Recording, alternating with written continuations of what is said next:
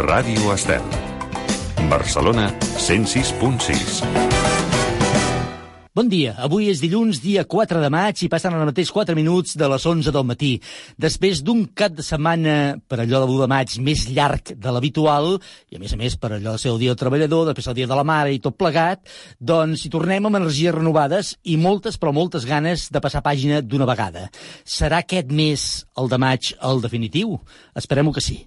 Benvinguts.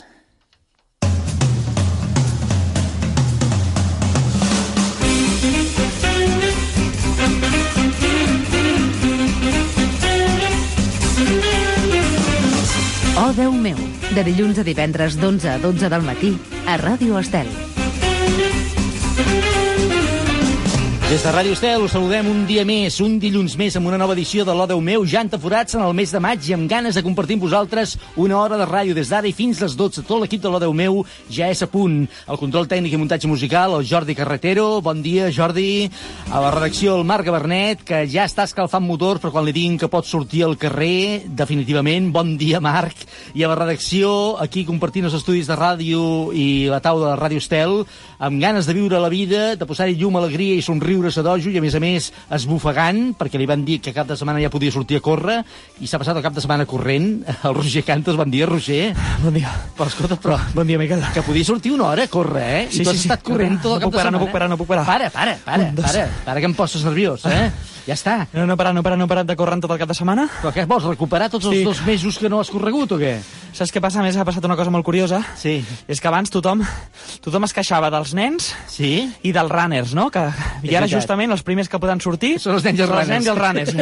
I, i, i jo ara, doncs ara, ara, que jo no m'he corregut en ma vida, doncs ara, ara m'he fet runner, saps? Ah, Ara, o sigui, no és que ho facis per recuperar el que no havies... O sigui, que no això no ho feies tu, eh? no, no, que va, que va, si jo, no, si, si, jo, si jo pujo les escales de casa i, i arribo esbufegant, ma- mare de Déu. Sí. I, I ara, bueno, pues ara, ara estic, estic posant en forma. Ara... És Ara... a, dir, a tu si et diuen que a partir de demà ja tothom pot menjar gelats, encara que no mengis Uh, gelats, demà ah, cau. tu t'atipes de gelats, I eh? tant, i tant, ja tindria el congelador ple. I ara, doncs mira, encara, encara no, no, no he passat ni per la dutxa. Bueno, suposo que ja... sí, ja ho noto, sí, sí, sí. No, doncs, no cal doncs res, res, tot el cap de setmana amunt i avall, puja a la muntanya, bé, baixa la camina... Ja diuen que és només una hora, però Sí. el que faig jo és... Vaig, faig una hora, torno a casa... I fas una altra- I llavors Sí. entenc, que, entenc que així es posa el compte de zero, no Ja. sé si ho faig bé o no, Sí. no és que estigui estimulant a ningú que ho faci, eh? Sí. Però bueno, jo és la manera que jo ho faig. Això- I no, clar, això portes tot, tot el cap de setmana corrent, no has passat per la dutxa, ho entenc, per Bueno, tant... clar, no he tingut temps, no he tingut fem temps. una cosa, et demano una cosa, He hagut de Roger. recuperar el temps perdut? Sí, sí. Normalment fem els dos metres de distància reglamentaris aquí als estudis, eh? Sí. Posa't a quatre avui, que la taula és llarga. Vinga, endavant. Eh? Per favor, eh? Endavant, eh? Jo, mentre, mentre tu vas No, no parlant- corris més, no corris jo, jo més, para. Espera, unes abdominals, em queden, Ah, queden 10, me'n queden 10. És igual. Va, en fi, eh, que, que ja hi som tots. Que bé, un programa eh, en forma, sobretot el Roger, que no ha parat de córrer, un programa per riure, que això ens fa molta falta, un programa nou de l'O Déu meu.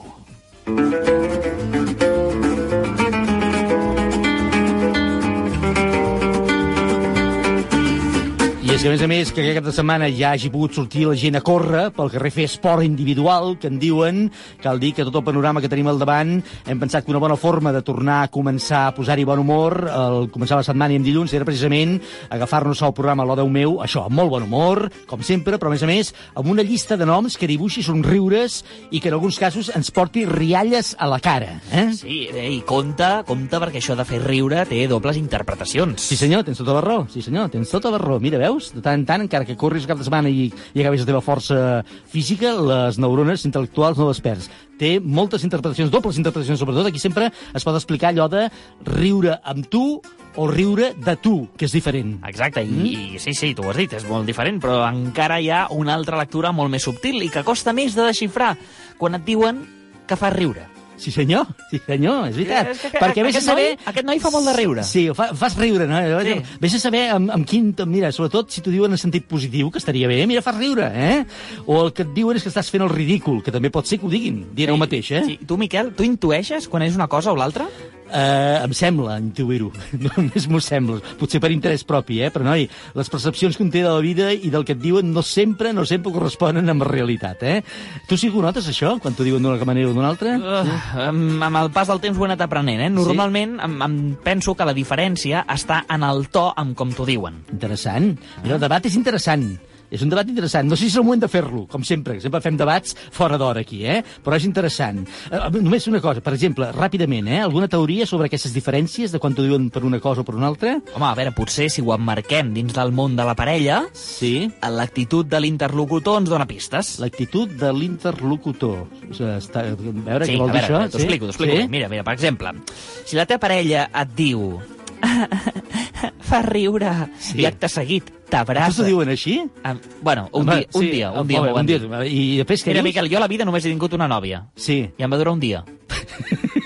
Bueno, L'experiència no és gaire sucosa. Ens vam conèixer a... a, a... No, cal, escolta, perdona, abans No, de començar, diré molt ràpid. cal que ens ho expliquis, sí? Sí, ja ho és, molt ràpid. Ens vam conèixer a una aplicació d'aquestes. A una aplicació. Sí. Es diu locutors de ràdio que busquen parella. Eh? És una aplicació que serveix... Punt com, per... eh? Punt com. Bueno, no sé. Llavors és una aplicació que per gent que treballa a la ràdio, que estem tot el dia aquí tancats, Sí. que busquem parella. Sí. No? Llavors la gent s'hi connecta. Vale. Llavors Sí. vaig trobar-ne una i vam quedar. Sí. I en res, només quedar, havíem passat 5 minuts i em diu, ah, i tal, no sé què. I llavors em va dir, ah, fa riure. I em va donar una abraçada carinyosa, em va Sí. fer uns petonets, la qual cosa em vaig intuir que anava bé, que anava en el bon sentit de l'expressió. Sí, ja ho entenc, ja ho entenc. Eh? I, i l'altra interpretació a partir de la qual deduiríem que, que, una altra cosa, que, se- que seria? No sé. Ah, bé, doncs eh, havíem, eh, després van passar 5 minuts Sí? i eh, eh, no sé quin comentari vaig fer, o sí. d'aquests meus, d'aquests impertinents que vaig dir de tant Sí. en tant, em va dir, ai, fa riure, i, i va marxar. Ja. I, I vaig pensar que hauria anat al lavabo, però és que ja, no, Però va, ja no va tornar. Doncs mira, eh, clar, és, queden clares les dues opcions. Eh? Fa riure, ai, que bé, t'abracen. L'altre, fa riure. Agafen la porta, cop de porta i marxen. Sí, vaig pensar, sí. mira, mira que, jo un segon cop vaig pensar, mira que sóc graciós. Perquè, clar, m'ho ha dit dos cops. Sí, sí. Que ja, Però no, la ja segona va vegada tornar. no era el mateix. Va no. dir que anava a comprar Escolta, tabac. Jo, jo crec...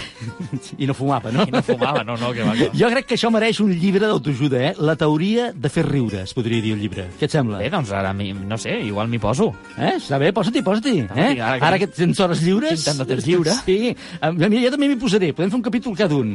Així, així trenco una mica el ritme aquest d'estar tot el dia a casa canviant mobles de lloc. Em passo el dia canviant mobles de lloc. Què fas, feng shui? Uh, sí, fa, agafo una bombeta d'un lloc al poso l'altre, dic, a veure si fa més bona llum, fan la mateixa, que són iguals, però penso, mira, per fer coses, rego les plantes, les tinc ja ofegades. Les plantes de casa estan, que quan vaig amb barregadora i surt una dient, per favor, no, més aigua no, ja diuen. Saps què m'agrada de venir a aquest programa i escoltar-te? Què? Que me n'adono que després d'escoltar-te Sí. estic millor del que jo penso. Molt bé. Eh, doncs vinga, va. Eh, bueno, una altra cosa que faig ara, també, perdona. Ah, ja veuràs, ja veuràs. faig ara. Enfonsa't més en la Que jo, misèria. jo, jo no m'enganxo no m'enganxo mai a cap sèrie, perquè em costa molt, no sé, no, no Ai, em ai, costa, ai, ai. i m'he enganxat a la Casa de Papel, tu. Home, però Sí, ja, sí. ja vas tard amb això, no? Que segur que amb la sort que tinc, ara que m'hi he posat, s'acabarà el confinament i ja no la veuré més, ja, perquè, ah, eh, doncs jo ja, què sé. Doncs ja quants atracs han fet, ja? Molts, molts, ja vaig ah. quarta, mira, avui començava la quarta temporada, ja. Ah, molt bé. Eh? Imagina't, eh? Vas per feina, molt bé, sí, molt bé. sí. Vinga, va, doncs ja hi som tots, eh, ens hi posem que tenim una llista de 10 per endavant.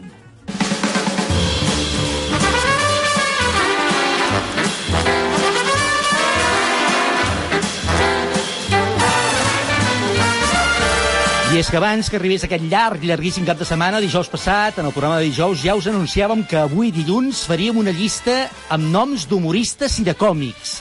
Eh, que la franja, en això dels humoristes còmics, és molt ampla i no volem acaparar, acotar-la nosaltres de cap manera, eh? Vull dir que vosaltres decidiu qui són humoristes, qui són còmics, i us poseu a la llista segons el vostre criteri. És a dir, que avui us demanem una llista de 10, un top 10, amb els 10 noms dels 10 humoristes o còmics que us han fet riure més els 10 humoristes o còmics que us han fet riure més. A més, no hi ha, no hi ha cap mena de límit ni de franja. Cap, eh, cap. Poden ser nacionals, internacionals, Cap. de, de pel·lícules, de sèries, de humoristes de teatre, de... Els 10 noms d'humoristes o còmics i còmics, o i còmics, eh, el que ho penseu, que us han fet riure més. O eh? còmiques, efectivament, eh? I en això, com deia el Roger, les participacions són tan diverses i distants com vosaltres vulgueu. Vull dir que allò que del riure no hi ha normes, cadascú hi aplica la norma que vol, el que un el fa patar de riure, per entendre'ns, a l'altre pot ser que no li faci gens de gràcia. Per tant, vosaltres ho marqueu. Però per això sou vosaltres que teniu la llista final a les vostres mans. La dels 10 humoristes i o còmics que més us han fet riure. De moment, i com cada dia, per començar, esperem que no ens faci riure gaire, en el mal sentit de la paraula, el Roger Canto s'ha preparat un informe que segur que ens farà riure una miqueta, però que, a més a més, el que és segur és que ens posarà en antecedents del que volem per la llista d'avui.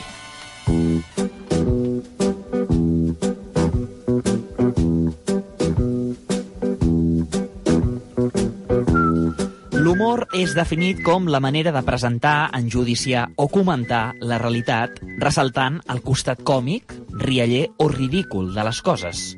Joseph Klatzmann, en la seva obra L'humor jueu, ho defineix segons la seva necessitat. Riure per no plorar. Més pessimista es pot citar igualment a Nietzsche.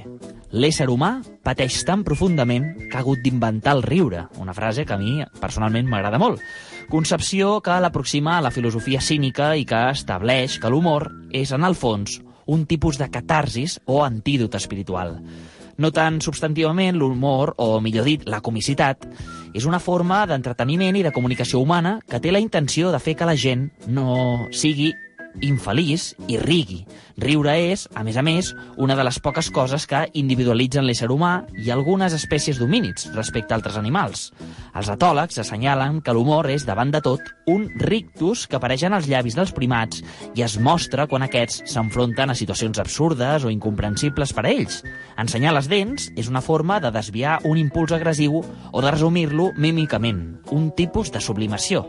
És per això que ensenyar les dents o riure entre els humans està sovint lligat a dissociar-se d'esdeveniments que susciten normalment una profunda inquietud i que moltes vegades s'associa amb una desgràcia, com per exemple seria l'humor negre. Fins i tot, a vegades, es parla del que anomenem riure nerviós com un acte falliu del subconscient. Des d'aquest punt de vista, l'humor es constitueix en un acte de purificació que permetria evacuar aquesta violència nascuda de la frustració i del patiment. L'humor, doncs, vindria a interpretar una funció catàrtica semblant a la de les llàgrimes, però diferent, ja que l'humor suposa una separació i no una identificació amb l'objecte que és el seu suport, un menyspreu i no una compassió. D'això deriva també la curiosa relació sadomasoquista entre l'humorista i l'auditori, que s'expressa en el riure. L'humorista es presenta molt sovint davant dels seus oients com a ressentit i humiliat, L'origen del terme humor ve de la teoria dels quatre humors del cos de la medicina grega, que regulaven l'estat d'ànim, la bilis, la flegma, la sang i la bilis negra, o altra bilis. El caràcter humorístic correspon a l'humor sanguini. Existeixen diferents tipus d'humor adaptats a diferents sensibilitats i grups humans. Per exemple, els nens acostumen a riure més de les caigudes i ensopegades, però no comprenen la subtilesa de la sàtira o de la ironia. Per tant, tenim tants tipus d'humors com persones i el món. I així que, amb alegria i sobretot amb molt d'humor, comencem aquest programa de dilluns per fer-vos passar una bona estona i, amb sort, fer-vos riure. Per tant, amb riure, amb alegria i amb molt bon humor, aquí comença Oh Déu meu. Oh, Déu meu, de dilluns a divendres d'11 a 12 del matí a Ràdio Estel.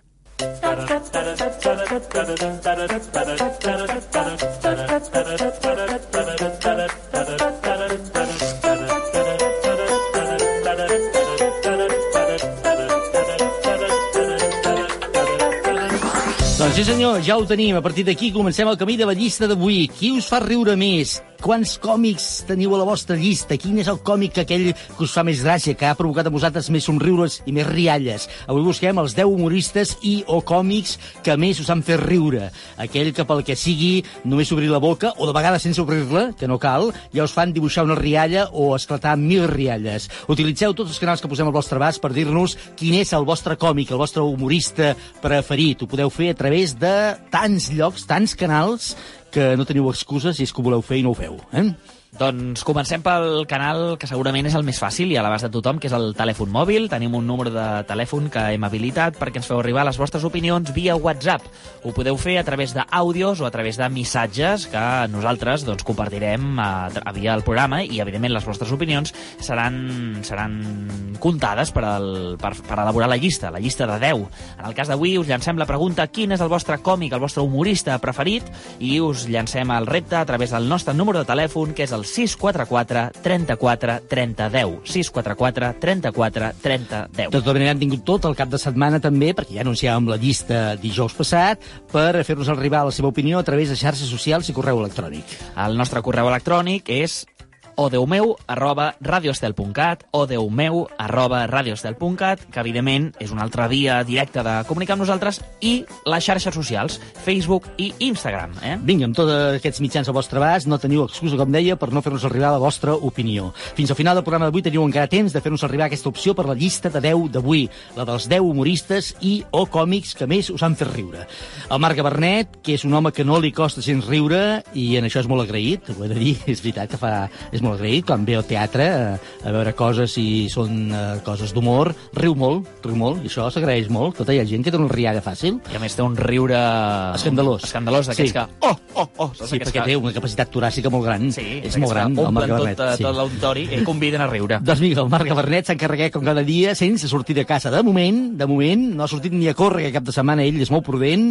S'ha encarregat de recollir algunes opcions per la llista d'avui. Són aquestes. Hola, doncs el meu còmic preferit és l'Eugenio. M'encantaven els seus acudits i la seva manera d'explicar-los tan seriosa i serena, però alhora em feia moltíssima gràcia. I m'encantaria poder escoltar-li fent un últim acudit. El meu còmic preferit és l'Òscar Dalmau, ja que el vaig conèixer escoltant el programa de la competència i és el primer dia ric amb tots els seus gags i acudits. El meu còmic preferit és l'Andreu Buenafuente, perquè bueno, sóc molt fan d'ell i del seu programa i doncs em fan molta gràcia els seus monòlegs i m'agradaria conèixer-lo algun dia. Jo, en comptes de dir-vos un còmic que m'agrada, us diré dos. Els Morancos, els germans de Sevilla, que fan un munt de gags al seu canal de YouTube i crec que són un clàssic de les gales de Nadal i dels programes d'humor de, de la tele.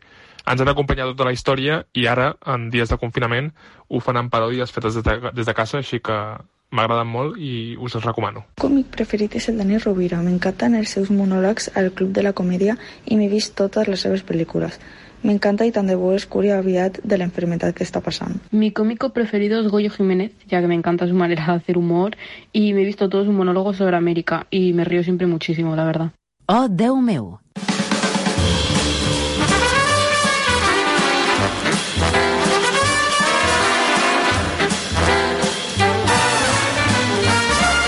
Doncs ja tenim unes quantes opcions per la nostra llista d'avui dels 10 humoristes i còmics o còmics que més us han fet riure. Són els que busquem per l'O Déu meu, el top 10 de Ràdio Estel d'avui dilluns. Va, posem música a l'humor, eh, que no sé què has tret avui per a il·lustrar la nostra llista, però a veure com ens ho expliques i com ens ho justifiques. Doncs avui música de bon humor. No música d'humor, sinó que música que Bueno, ens posa bé, de està bon bé, humor. eh? està bé, està bé. I mira, a mi hi ha un cantant que cada cop que l'escolto m'hi posa de bon humor. Ah, sí? Sí, i és el Nil Moliner, és un, Ah, és molt un bé. cantant jove, però, que, però que, escolta'm... Bon rotllo, eh? Bon rotllo, bon Eh, eh. rotllo. I al final, mira, per aquests dies de confinament, què millor que escoltar bon rotllo, com el que ens presenta justament Nil Moliner amb aquesta cançó que es diu Sale el sol. Siento cada día voy creciendo, cómo pasa el tiempo y que pierdes sin jugar. Caigo y poco a poco me levanto al sentir esos abrazos,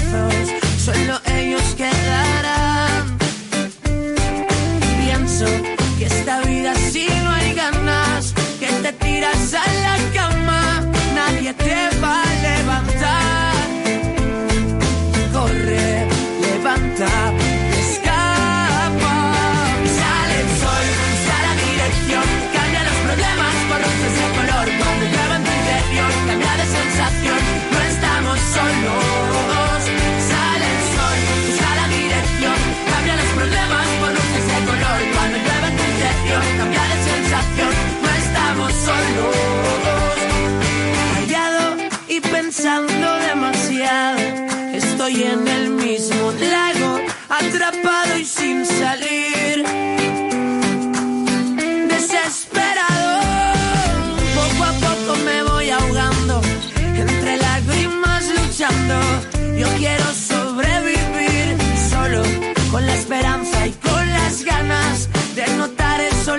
cara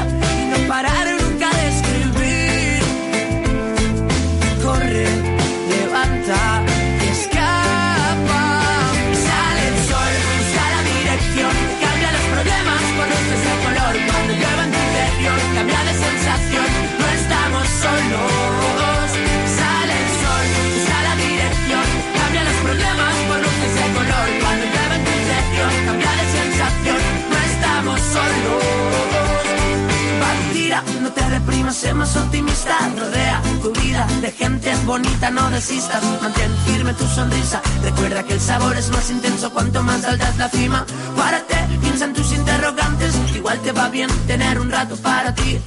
No te preocupes ni te olvides de un instante. No te juzgues, busca el equilibrio. Sale el sol, busca la dirección. Cambia los problemas por luces de color. Cuando llueve en tu interior, cambia de sensación. No estamos solos.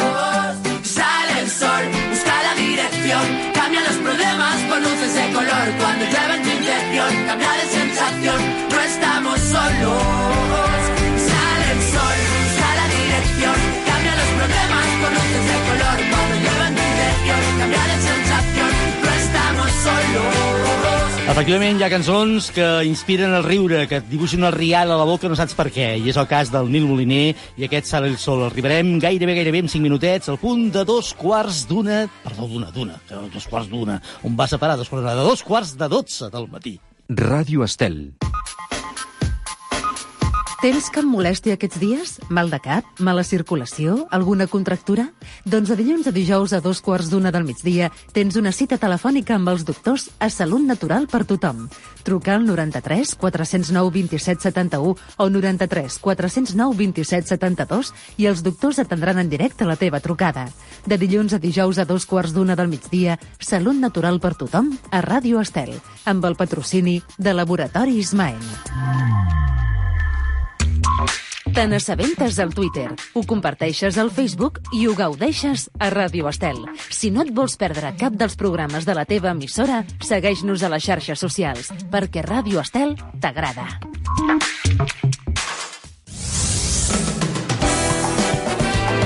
Ràdio Estel.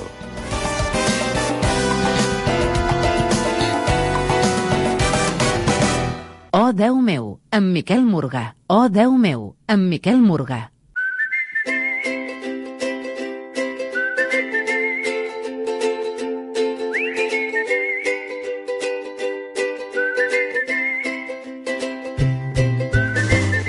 Avui a l'Odeu meu de Ràdio Estel busquem els 10 humoristes o còmics que més us han fet riure.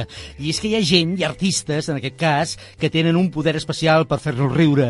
També és cert que, com deia al principi del programa, allò que algú el fa patar de riure, potser un altre no li fa gens de gràcia, però aquesta és la grandesa de la diversitat de percepcions a l'hora de riure.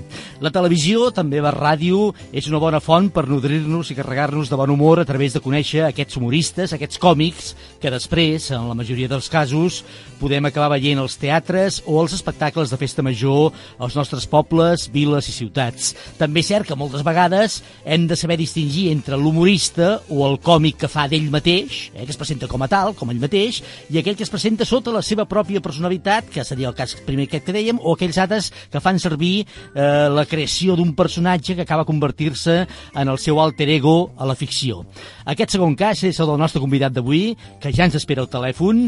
Molta gent el coneix pel seu nom, però no tants ni de bon tros com aquells que durant molts anys han empatitzat amb el seu personatge. Per tant, si us dic que el seu nom és eh, Josep Maria Rubio, potser algú us dirà, sí, el Josep Maria Rubio, però si us dic que el seu personatge o ell va crear o és l'autor i intèrpret del senyor Barragán, de seguida visualitzareu el personatge i, en el seu cas, la seva forma peculiar de parlar. Josep Maria Rubio, bon dia i moltes gràcies per acompanyar-nos avui. Què tal? Bon dia.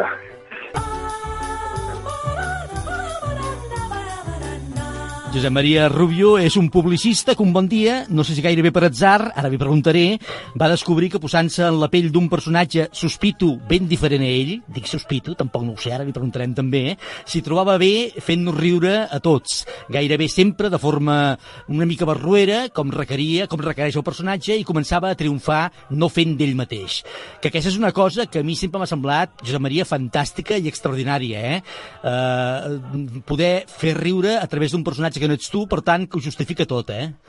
Bueno, és una forma de timidesa no atrevir-se a donar la cara per, per vergonya i aleshores t'amagues dintre d'un personatge que és com una, una, una careta, una, una màscara, un disfraç, no? Mm -hmm. eh, és, aquest potser és el motiu, perquè encara que no ho sembli, jo sóc un tio tímid i no m'he atrevit mai a sortir així a cara descoberta. El cert és que va néixer un dia el senyor Barragán, eh, que va començar a fer riure uns i a escandalitzar uns altres fins avui. De fet, deixa'm recordar, però, que el senyor Barragán, tot i fer-se molt popular a la televisió, és un personatge que neix en un programa de ràdio, eh? Sí, sí, sí, era una veu, era una veu. I cada un se l'imaginava com volia, amb l'Alfons Arús, al matí, Uh -huh. I fins que li van donar el programa a la casa per la ventana em va dir, en vez d'una noia guapa de safata vull posar un iaio. Vols fer-ho? Dic, sí, sí, encantat. I després dona-li imatge a la, a la veu. I me'n vaig anar al barri de Xino, em vaig comprar aquella roba vella i que ara aguanta. Esclar, passar eh, allò que la gent imaginava a través de les zones de ràdio o la tele no és tasca, no era tasca fàcil. És una cosa que molt poques vegades surt bé, eh? ja que la gent, com tu deies, fa, es fa tota una imatge d'un personatge que després no correspon o pot no correspondre a aquella que realment veuen. Eh? En aquest cas no va ser així. La gent de seguida hi va, s'hi va identificar. Eh? si, si te la jugues, si surt i, bueno, doncs mira, potser el crear un personatge, no un, no un explicador d'acudits com hi ha tants altres, el crear un personatge, doncs la gent el va acceptar i normalment tampoc es pot agradar a tothom, facis el que facis, eh? Mm -hmm. però sí una gran majoria, que és la que em va acceptar, i fins, fins avui, estem parlant de 30 anys de fer el, de fer el, tonto, de fer el tonto, no? Que no són pocs, eh? Que no són pocs, 30 anys. Són pocs, no són pocs, sí. I ja crec que això ja durarà per sempre i hi ha gent que ja entén que m'ha dit que em sobreviurà a mi. Jo desapareixeré del mapa com, com tothom i la gent seguirà dient més marrano que el Barragán, portes el vestit de la bata del Barragán, les ulleres del Barragán, les sabatilles del Barragán. Sense voler vaig crear un personatge i crec que per això ha, ha, ha quedat i, i quedarà. Escolta, hi ha una cosa que a mi sempre m'ha meravellat eh, de tu, Josep Maria, i, i del senyor Barragán també, evidentment, dels dos, eh? I és que aquest segon, el Barragán, és un home, eh, ja em deixa-m'ho dir, no, no descobreixo res, mal parlat, bar barroer, diguem-ne que no gaire correcte ni políticament ni socialment, de vegades reprobable, fins i tot, eh? I en canvi Josep Maria Rubio és tot un senyor, un senyor elegant, educat, ben parlat, em sembla, vaja, pel que jo sé. Sí, sí, també hi ha directors de bancs molt serios que a la nit es converteixen en travestis, parlades. Clar, clar, clar, clar. Potser lo- és potser el que no t'atreveixes a fer en un moment i en vez d'anar al psicòleg o al pare perquè et curi algun problema, jo amb això, pues, mm, escolta, m'he lliberat, soc feliç i no tinc cap mena de problema. Vull dir, com a barregant puc dir el que vulgui, la gent Clar. em permet, m'accepta moltes més coses que m'acceptaria una persona normal i, escolta'm, mira, lliberat totalment. Deixa'm que, el- deixa'm que el saludi. Uh, Home, sí, estic mort de ganes de sortir. Està aquí, eh? El tens aquí, eh? Sen senyor Barragán, bon dia. Espera, que van anat a buscar. Espera, anat a buscar. Hola, ¿cómo estamos? Mo molt bé, com està vostè? Extrañado que estuviera tanto rato hablando con el Yupi este. bueno, és que, escolti'm, una cosa, hem de ser realistes. Sense el llupi este que vostè diu, no existiria vostè, eh? Pero entre nosotros, ¿usted quién es, Guis o Murga? El Murga, Murga, no, el Guix, el Guix ja fa, no, el Guix fa molt que no ve per aquí, sí. Es que como siempre estaban juntos, És veritat, sí. digo, pues que el Yupi este sin mí no sería nadie. ¿Comprende? Aquesta és una manera de veure-ho, però vostè tampoc no seria res si el llupi aquest no hi hagués pensat, eh? Ah, no sé, no sé, pero no sé quién tiene más importancia. ¿Qué quiere que le diga? Mhm. Si no me llega a creer a mí, ese tío quedaría ahí de publicista en un rincón. Sí, señor. Molt bé. Es- es- Estic per demanar-li que ens expliqui un acudit, però Sí. em fa més poc una pedregada, eh? eh pensi que estem en horari infantil, en aquestes Eh, coses. Que- que di- digo, hombre, esta radio es correcta. Sí. Pero me prepara unos chistes que son políticamente correctos. Ah, molt bé. que me ha costado encontrarlo, ¿eh? A veure. Buscando, buscando, mire, por ejemplo, eh, este que llaman por teléfono, llaman por teléfono, dígame, dice, puedo hablar. Dice, y yo también, dice, pero que yo soy una vaca. ¡Comprende! Era una vaca que llamaba. Y por eso habla, y el otro no le puede pillar. Sí, Escolti, s'ha comportat molt, eh? Està molt bé, estic molt content. Estic molt content, eh? sí, señor. Y además lo hago cambiando de voz, que Ya ho veig. puede hacer todo el mundo. Ja ho veig. Lo copian. Eh, allò dona, dona una volta més al, al, a la història, és a dir, el personatge crea un altre personatge. Això està molt bé, eh? Sí, està molt bé. Sí, señor. Y tengo otro. A veure, va, un altre. también de esta línea, que uno que va al médico y dice, doctor, de tanto fumar tengo este pulmón hecho una mierda. En cambio, este lo tengo de puta madre. ¡Comprende! Està bé, està bé. Uno bueno y uno malo. Una bona i una mala, està clar, sí. Afectar al habla, el otro, sí, bé. Escolti, uh, prengui un cafè, que parlo amb el Josep Maria i després torno amb vostè. Ah, hola, què tal? Hola. Escolta'm, Josep Maria, eh, l'humor, la, la, for, eh, Josep Maria, la forma de fer humor, el contingut de l'humor ha canviat molt, molt, molt en les últimes dècades. Hi ha coses que dèiem i fèiem amb total impunitat i sense prejudicis fa, això, 15, no gaire més, eh, 15 o 20 anys, i que ara nosaltres mateixos ens faríem creus d'haver-les dit. Però tinc la sensació que això el senyor Barragán no ho acusa gaire, eh, que pot continuar amb la seva. No, no, aquest tant se l'infut. Aquest tira pel camí al mig i tira pel dret i, i vinga, el que se li ocorre. A vegada la gent li permet, i, i, i al final el culpable és el públic, perquè Clar. ells si l'haguessin frenat, o li haguessin pagat algun repulsat, no sé, o, sí, o li haguessin fet alguna, jo què sé, una multa, no? Mhm. No, no, el tio, pues, uh, i la gent com té ganes de riure, això van el que van a veure, pues, mai s'ha trobat cap problema, la veritat. Clar. I ara, l'any 2020, ara, la situació que estem, eh, el moment que estem vivint, eh, el Josep Maria Rubio, eh, fent un acte de reflexió en perspectiva, tornaria a fer i a dir tot el que ha fet i ha dit a través del senyor Barragán? Home, sí, però si et dic, home, poc o molt s'adapta, eh? Vull dir, ell procura no, no, no, no, no ser racista, no posar-se amb gent amb, amb, amb problemes físics, això no, no, no li agrada mai ni al Josep Maria ni al Barragán, Està cap dels dos, amb això estan d'acord, totalment d'acord. Mhm. Coses que no els hi semblen ben d'ells, doncs ja no ho fan t'entens? Perquè per fer riure, doncs, que en principi has de, ser, has de ser una bona persona, i si ets una bona persona, posar-te amb gent amb problemes, doncs no, no, no és propi de tu. Ja. M'agrada molt que diguis això, Josep Maria, m'agrada molt que digui... Dic Primera, perquè ho crec. Sí, sí, que diguis que per fer riure s'ha de ser una bona persona, que és una cosa que m'agrada molt que diguis, però també que diguis que per fer riure no cal posar-se amb la gent ni desvalguda ni, ni, ni, ni ningú que no calgui, eh? Esclar, ni, ni, ni, ni, ni, forçosament tindrà accent andalús. Vull dir que, Mhm. mm -hmm. Per fer riure tenies que ser andalús, i ara no, no. Escolta, el Joan Capri ho va demostrar i, i tanta gent, no? Uh, em refereixo que l'humor és una cosa molt, molt àmplia i molt important i jo crec que es pot fer riure de moltes maneres. I Mm. cada un té que buscar el seu estil, intentar aportar coses noves i no, no, no anar seguint, perquè si fas el que fan els altres, doncs allà, Clar. allà et quedes. No? Clar. Alguna vegada t'has escandalitzat tu mateix del teu propi personatge? Pues sí, sí, sí, sí. Això sí que és un fenomen, d'això ja és de psicòleg o de terapeuta. uh, he arribat a veure coses per la tele que, hòstia, com has tingut els nassos de dir això. Com has pogut dir això. Uh, que no, clar, i és que aquí he arribat a pensar que aquest personatge té vida pròpia. Mhm. Perquè si no, no entenc com jo, que eh, ja dic, per de ser tímid o ser normal, correcte, tampoc em vull posar medalles de ser bona persona, no? Però sí que tinc la, les meves mides, no sé com he pogut arribar a dir aquella cosa que m'ha semblat en un moment donat pues, bruta o fora de lloc o una, una miqueta escabrosa, i, i sí, llavors dic, pues, clar, pues, penses, o tu dius, pues és tu, Mm -hmm. Doncs mira, això, això reforça, perdona, eh, Maria, reforça molt una teoria que tinc, que, perquè tinc la sensació que de vegades vius l'efecte José Luis Moreno, que em dic jo. Ja, ara m'explico, eh? Sí. Vull, vull dir que tens un personatge, eh, en el seu cas són els ninots, però que ho fas parlar tu, però sense controlar ben bé el que, el que diu aquest personatge, que ets tu, no? Sí, sí, la Mari Carmen m'ho va explicar una vegada, que és que, que, que un dels seus ninots, no sé, quin, no sé quina terra faria, que tenia, em va dir això, va coincidir mi, que tenia vida pròpia.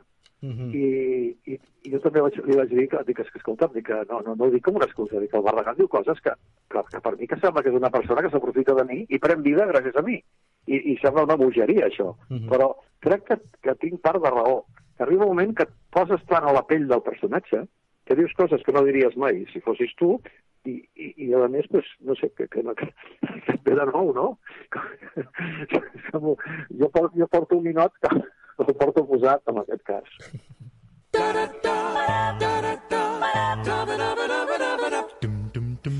Avui a l'Odeu meu de Ràdio Estel estem buscant els 10 humoristes i còmics que més us han fet riure.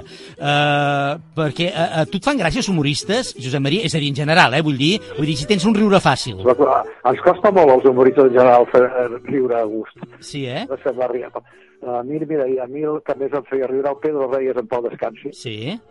Gran amic meu, ens érem com germans, teníem química, se va fer la trinca i vam arribar a fer humor junts, vam treballar a València junts, fent el programa que aquí feia el Buenafuente, el Tot per l'Audiència, el feia mm -hmm. a València com a parella còmica, i amb aquest home ens enteníem, bueno, que haguéssim pogut fer parella còmica, no? Ahà. Ens feia riure molt el pobre Pedro, el, el, el, el, el Rubianes, el, el, que també en Pau Descansi. Mhm. eh, has de ser, per fer-te riure t'ha de, també t'ha de sorprendre, no? I clar, si Clar. et dediques a això, costa més que et sorprengui. És veritat. És a dir, Per tant, jo si et demanés a tu, escolta, posa algun nom a la llista d'avui, em diries Pedro Reyes o Rubianes, eh? Sí, sí, sí, sí em, em diria Rubianes i Pedro Reyes, sense, sense dubte. Per cert, amb quina definició t'hi trobes més a gust? Amb la d'humorista, amb la de còmic, amb la d'actor? És que, clar, això és com molt, molt estrany, eh? Et refereixes amb ell o a mi? No, no, tu, a tu. Dic, amb quina, amb quina definició et trobes més bé o et trobes més a gust? Home, sí, a mi m'agrada molt fer riure. Jo de petit anant de la mà de la meva mare, tenia 4 o 5 anys i recordo que deia a la meva mare que nen és molt pallasso. Sí, imagina't. Mm -hmm, 4 o pallasso. 5 anys ja, ja, ja, feia, ja feia gracietes. Mm -hmm. No, no, sé, no sé què havia de fer, no? Però ja, això hi neixes, suposo, perquè és com qui sap tocar el piano o, o, o, o sap pintar. Sí, Sí, sí. Amb ganes de fer riure s'hi neix, Molt bé. com tantes altres coses. Mm -hmm. I, eh, i llavors pues, em trobo a gust pues, fent riure la gent. Això és, Està és com bé. una... Ho portes a dintre, no? Sí. Escolta, ara et preguntaré amb una cosa que ja s'ha convertit en recurrent al programa, però és que és inevitable, i és què fa en Josep Maria Rubio i què fa el senyor Barragán eh, en temps de confinament. Com ho porteu, això? Doncs pues mira, fem el que fa tothom, el que podem. Vull dir, intento... Pues, al matí trec el gos, a la tarda també, pobre, ja no el trec més vegades perquè em mira amb una cara que molt dia està bé, no?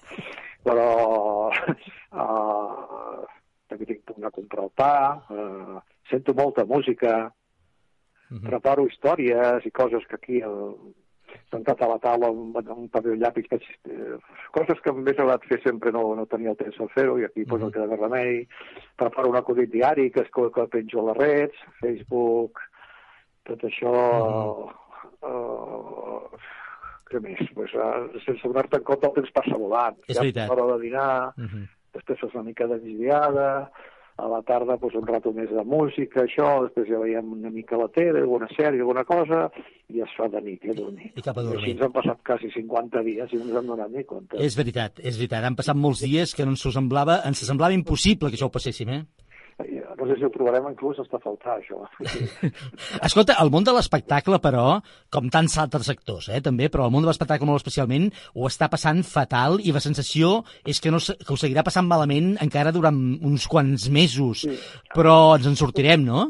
Hem de confiar en les ganes de, de passar-s'ho bé que tindrà la gent, que sortiran buf, uh, borratxos de, de tot això i jo crec que aviat que per poc que puguem tornarà a haver espectacles, tornarà a haver funcions, històries, en fi, a seguir guanyant-nos la vida i a seguir fent riure o que cada un fent el que faci, no? Perquè crec que la gent en tindrà moltes ganes i valorarem més coses que no havíem valorat mai. Mm -hmm, és veritat. Uh, el Josep Maria Rubio, com a Josep Maria Rubio, explica acudits? No, no, no, no tinc... No, mai, eh? Català, com a bon català no tinc els catalans. Gràcies. No tens gràcia, eh? Com a català no tens gràcia. Gent que diu, per què no fas algun monòleg tu i tal? Perquè, clar, vulguis o no, sempre he sigut pues, una mica la, a l'esperit de la colla, el, el pallasso de la colla, no? Que explicava els acudits, o feia bromes o tal, perquè ho portes a dins. Però, clar, és molt més fàcil com a barragant. perquè Ja, ja, ja, la gent ja té records, ja, ja és una referència. Hi ha molta gent que inclús quan explica un acudit ja l'explica com a barragant, perquè així ja veuen que la, ja anuncia que serà marranot, no? I, no sé, ja et dic, jo no, no soc, ho faig en, petit comitè, sí, soc molt graciós del grup, però No, que que ho faci qui ho ha de No fer. m'atreviria a sortir públic a fer un monòleg. Està bé. Està bé. Escolta, doncs, eh, no sé si atrevir-me a continuar reptant a la sort i, vaja, i temptant a la sort i demanar-li que en Barragán acabi, ens acabi aquesta conversa amb un altre acudit, li demano, sí? Sí, mira, va, Barragán, expliqui que no sigui normal. Eh, no hay mucho. Bueno, el que sigui. Bueno, uno, uno solo, ya está, l'últim. Mire, una nanilla, una nanilla que las enanas son muy, son, son muy divertidas y alegres. A veure, Iba, eh? iba por la calle corriendo y cantando la la la la la la la la la la la y de repente ve un letrero en una fachada que ponía Asociación para afrontar con optimismo el enanismo. Coño, la nana que lo ve entra. Hola, ¿cómo estamos? Hola, guapa, ¿qué quería? Dice que venía a darme de alta. Dice, esa es la actitud. Està bé, està bé. Escolti'm, Barragán s'està reciclant, està, està molt bé, està molt fi, eh? También tiene que no son... No, no, es igual. Otro día, otro día. Este lo dejamos para otro día, Barragán, ¿vale? Dios, lo que nos ha costado contenerlo. Vinga, una abraçada molt gran, Barragán. Passi'm a Josep Maria, que m'acomiado d'ell també. Sí, que te comas tú, Yupi. Hola, maco. Molt bé, Josep Maria Rubio, ha estat un plaer. Gràcies per la teva generositat, de veritat, pel teu humor. Ja, moltes gràcies i venint de Radio Estel, més que més, té més mèrit, eh? Molt bé. I, I moltes gràcies també per continuar tenint la capacitat, en els temps que corren, de fer-nos riure, eh? Us enfronteu a qualsevol cosa. Molt agraït que heu pensat en mi i, i a la vostra disposició, si no el Barragán, el Josep Maria o els dos junts fent pinya. Tots dos junts, sempre. Una abraçada virtual de moment, quan pugui la fem físicament. Adéu-siau. Moltes gràcies i una, i una forta abraçada a tots els vostres oients. Oh, Déu meu, cada dia una llista de 10 per enriquir la nostra vida.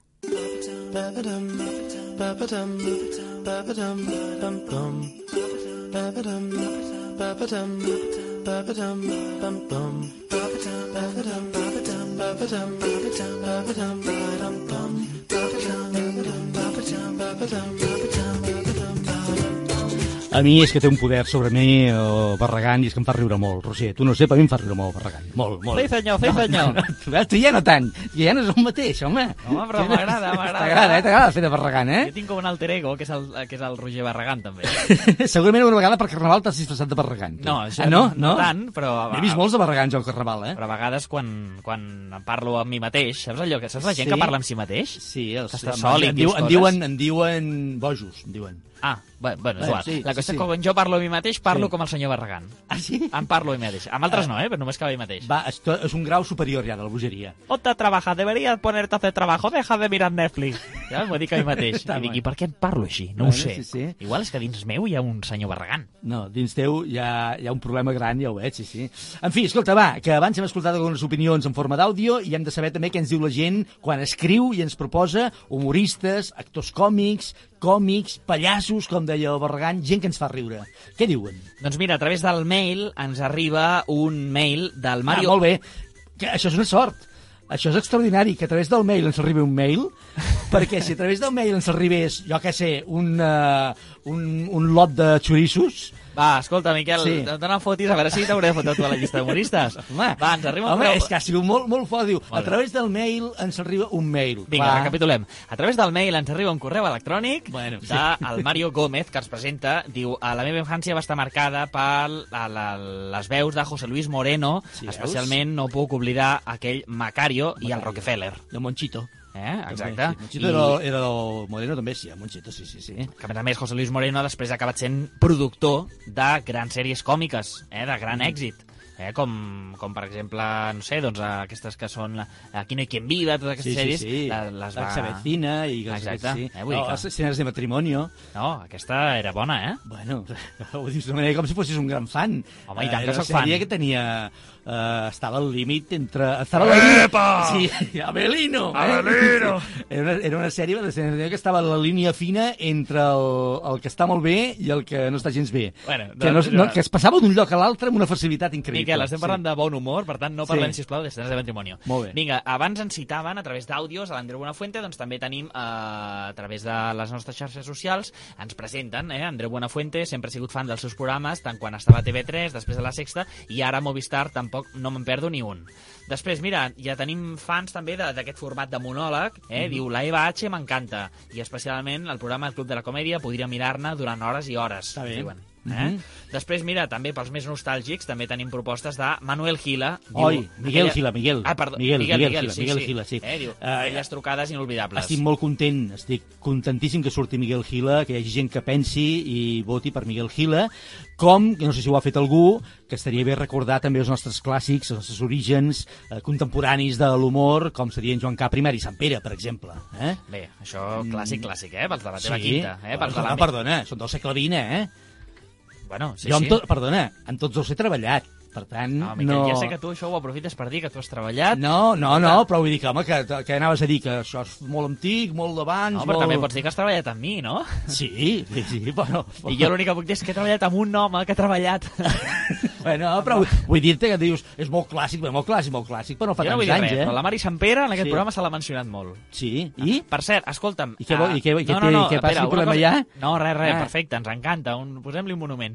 Uh, Ja de el fet, té, que ja el té, ja ja el el té. té. Uh, escolta'm, uh, mira, també tenim cita pel Pepe Rubianes, Ah, eh? també, actor galaico-català, eh? Mhm. I, un, I que a més dona vi a un dels vins que regalem nosaltres, Aquí eh? vaig, de la vaig, gent de l'Oberts Miquel. Wine Elegance. I la nostra audiència ja fa dies que es pregunta, ja fa dies que els hi poses la mel als llavis per explicar una cosa que mai expliques. Sí. I saps allò com els pares que diuen un dia us portaré Sí. i mai t'hi porten. Un Sí. dia us portaré i dius, escolta, ja, anem-hi ja. Portem... Doncs tu ja fa dies Sí. eh, que, que, que a la- a l'audiència li dius un dia explicaré una cosa de l'etiqueta del vi del Pepe Sí, Rubianes. sí. I doncs ara, escolta'm, Sí, avui, val, avui. Avui tenim temps, va, si Avui, tenim dos sí. minuts per explicar-ho, però un dia ho farem a la pràctica. Sí, home. és a dir, el vi Pepe Rubianes, que és un vi creat per Lovers Wine Elegance, que són patrocinadors nostres i que a més a més cada dia regalen un lot de vins, eh, el vi Pepe Rubianes té una etiqueta que és la imatge del Pepe Rubianes, la imatge clàssica, típica del Pepe Rubianes.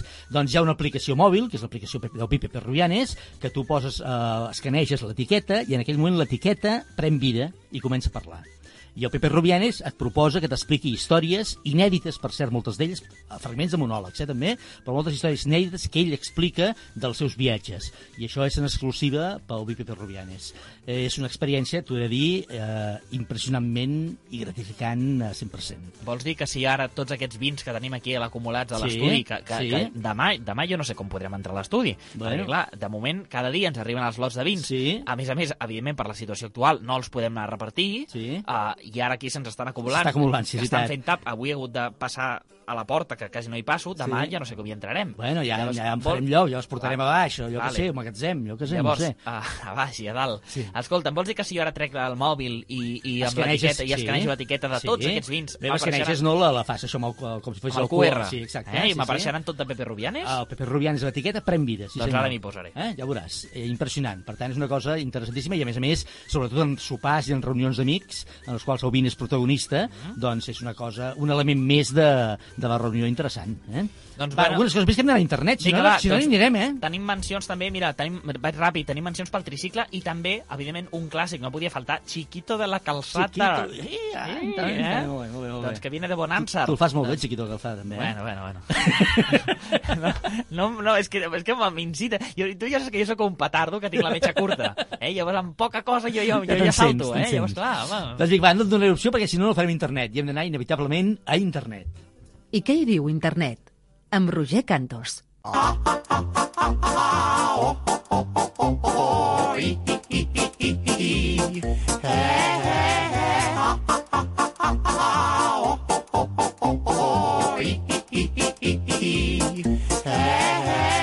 Quan poses al Google eh, humoristes, què passa?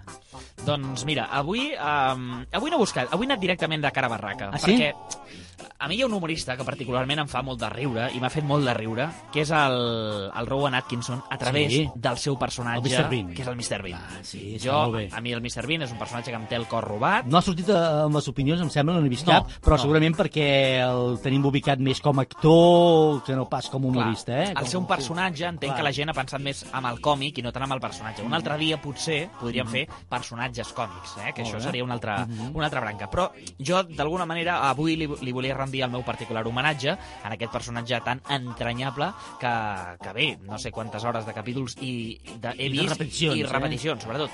I mira, comencem per, la, per parlar d'anècdotes, i és que justament eh, parlem de repeticions perquè Mr. Bean és una sèrie molt curta, tot i que molta gent el té al cap, i tota gent recorda el capítol de Nadal, el capítol de Mr. Bean, com roba l'arbre, com va a Harrods a, a connectar, a fer el pessebre, com es posa el pavo aquell que se'l posa al cap i espanta la nòvia, com li demana matrimoni, és a dir, totes les anècdotes. Sí, a- les hem vist moltes vegades. Al camp de golf, totes, doncs resulta que la sèrie només consta de 14 capítols. Sí. Eh? 14 únics capítols que, evidentment, els hem vist i revist i, i potser al nostre cap ens sembla que en tinguem moltíssims, però només n'hi ha 14. Uh, Mr. Bean, a més a més, és un personatge conegut a tot el món, ja que la sèrie s'ha emès a més de 70 països. I a més el fet que gairebé, gairebé no hi hagi diàlegs, que sigui gairebé Exacte. tot gestual, això facilita molt les coses. Clar. Eh, tenia una manera molt, molt escueta de parlar, que era aquella cosa... Ah, ah, ah, ostres, eh, aquella cosa. Oh, Déu meu. Eh? Doncs resulta que, que, el, que el personatge, el Rowan Atkinson, es va inspirar en un còmic francès que, que es deia Mo- Monsieur Hulot, eh? que era un perso... Monsieur Hulot. Monsieur Hulot. Ah, Hulot, No, Hulot. Hulot no. Hulot com Hulot. Garrotxa, eh? Uh, Hulot, sí, mira, és H-U-L-O-T. És un personatge que, en poques paraules, també es va popularitzar a les dècades de, dècada de 50 i 60 i que estava interpretat per un actor que es deia Jacques Tati. Jacques Tati, i tant, sí, sí. Eh? Doncs sí, aquest, sí. aquest, El més gran cineasta, a més a més, Jacques Tati. doncs aquest sí, sí. actor és el que va protagonitzar aquest personatge. Resulta que abans de gravar la sèrie, el Rowan Atkinson va estar més de 10 anys preparant el personatge, ja que era un personatge recurrent que a ell li agradava imitar mentre feia la seva carrera. I tu diràs, i quina carrera feies? El Mhm. sector hauria Què estudiat feia, sí? art dramàtic. Doncs no, resulta que estudiava un màster en enginyeria Imagina't. a la Universitat d'Oxford. Eh? Darrere de- darrere d'aquest personatge babau s'hi amaga un actor que, a més a més, és molt intel·ligent, ja que... I ho ha demostrat en molta, moltes vegades, a més a més, moltes entrevistes i en moltes classes magistrals que ha fet, eh? Doncs resulta que el personatge va ser, va ser provat, va fer diferents tests, com en un certamen a Edimburg, eh? a Edimburg s'hi fa el Festival Fringe, és un festival de teatre molt important, doncs resulta que en, un, en aquest festival el propi actor el, va, el van a posar a prova fins que finalment es va acabar gravant aquesta sèrie. Eh? Mhm. Uh, un dels personatges, o perdó, un dels programes més vistos a la història de la televisió va ser aquest anomenat que jo citava abans, Bon Nadal, Mr. Bean, Sí. sí. el títol original, Merry Christmas, Mr. Bean, que és aquell títol original que és un que es va emetre el 29 de desembre de 1992. Imagina't si en fa d'anys, eh? Jo recordo, deixa'm explicar una coseta, és molt breu, eh? Recordo perfectament, però perfectament, i fa molts anys, no sé quants farà, però igual era per, aquesta, per aquestes dates que dius tu, potser més endavant. La primera vegada que vaig veure Mr. Bean va ser al cinema, eh, com a curtmetratge, abans de la pel·lícula que anava a veure, que no sé quina era, i era La recepció de reina. La recepció de reina, que era la primera vegada que vaig veure Sí, Mr. sí, sí, Bean. boníssim. Aquell dia va passar una cosa extraordinària al cinema, i és que quan va acabar el curtmetratge, me'n recordaré tota la vida, eh? Quan va acabar el curtmetratge, tothom va començar a aplaudir. I va- vaig, va- va- vaig pensar, aquí ha passat alguna cosa, aquí passa alguna cosa. I automàticament a partir d'aquí va començar a venir la febrada Mr. Bean. Però realment era impressionant que amb el curtmetratge del cinema, de la pel·lícula que anaves a veure, la gent comencés a aplaudir.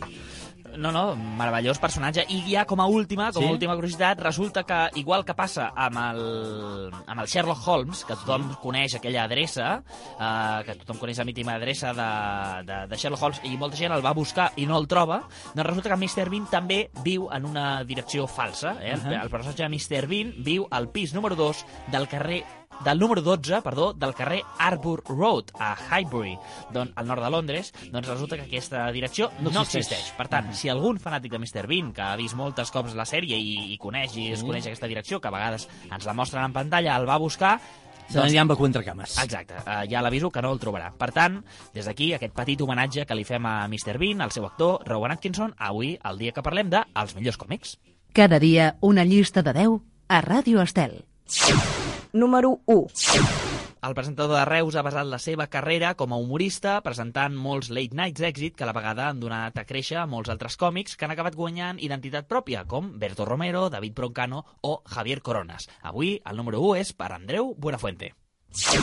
Número 2. Va començar al Club de la Comèdia a principis dels 2000 i 10 anys després el programa va tornar i ella va ser la presentadora, dedicant també part del seu temps a l'emissió dels seus monòlegs, Eva H. Número 3. Va començar com a humorista gràfic a La Excedra i es va autoexiliar durant la llarga temporada a Argentina i Venezuela. Va tornar a Espanya l'any 1985 i va ser pioner dels monòlegs d'humor. Feia servir sovint un telèfon per trucar a la guerra i, sorprenentment, mai deia paraulotes. Va fer popular la falca Qui s'hi, que s'hi posi, Miguel Gila. Número 4. Ara el podem veure interpretant el Teo, el germà de l'Amador, a la sèrie La que s'avecina, però en els seus inicis el vam descobrir a La Hora Chanante, una altra meravella de programa del qual en van sortir molts còmics molt i molt interessants. Ernesto Sevilla. Número 5.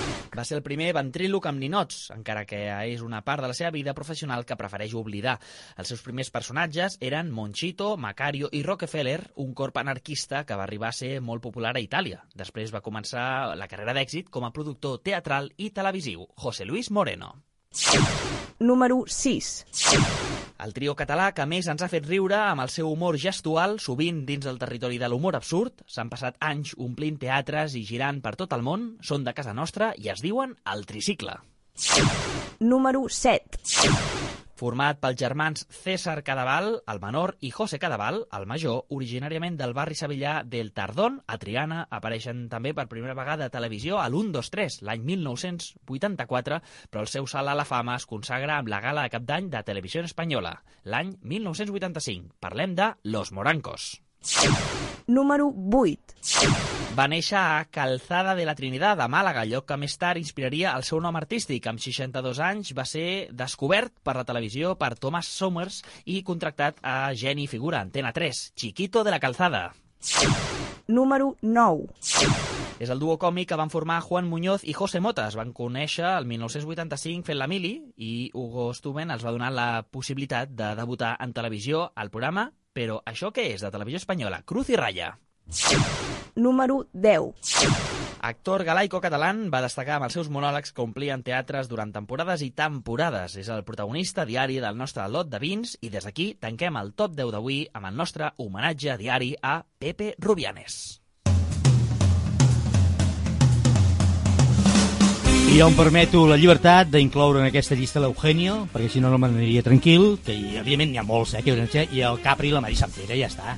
És collita pròpia. Que no, que no faltin, no, no, és que al Com final... que soc, com que soc el director, puc fer-ho, no, això? Home, és que és aquest Ja dilema està. de sempre, és que sempre queda que gent fora interessantíssima. Vinga, que acabem. Primer, aquí li donem el lot de vins uh, Lover Wines Elegance i el Pepe Rubianes avui. Doncs avui és per la Carme López, que ens feia arribar la seva proposta, que era justament a Miguel Gila.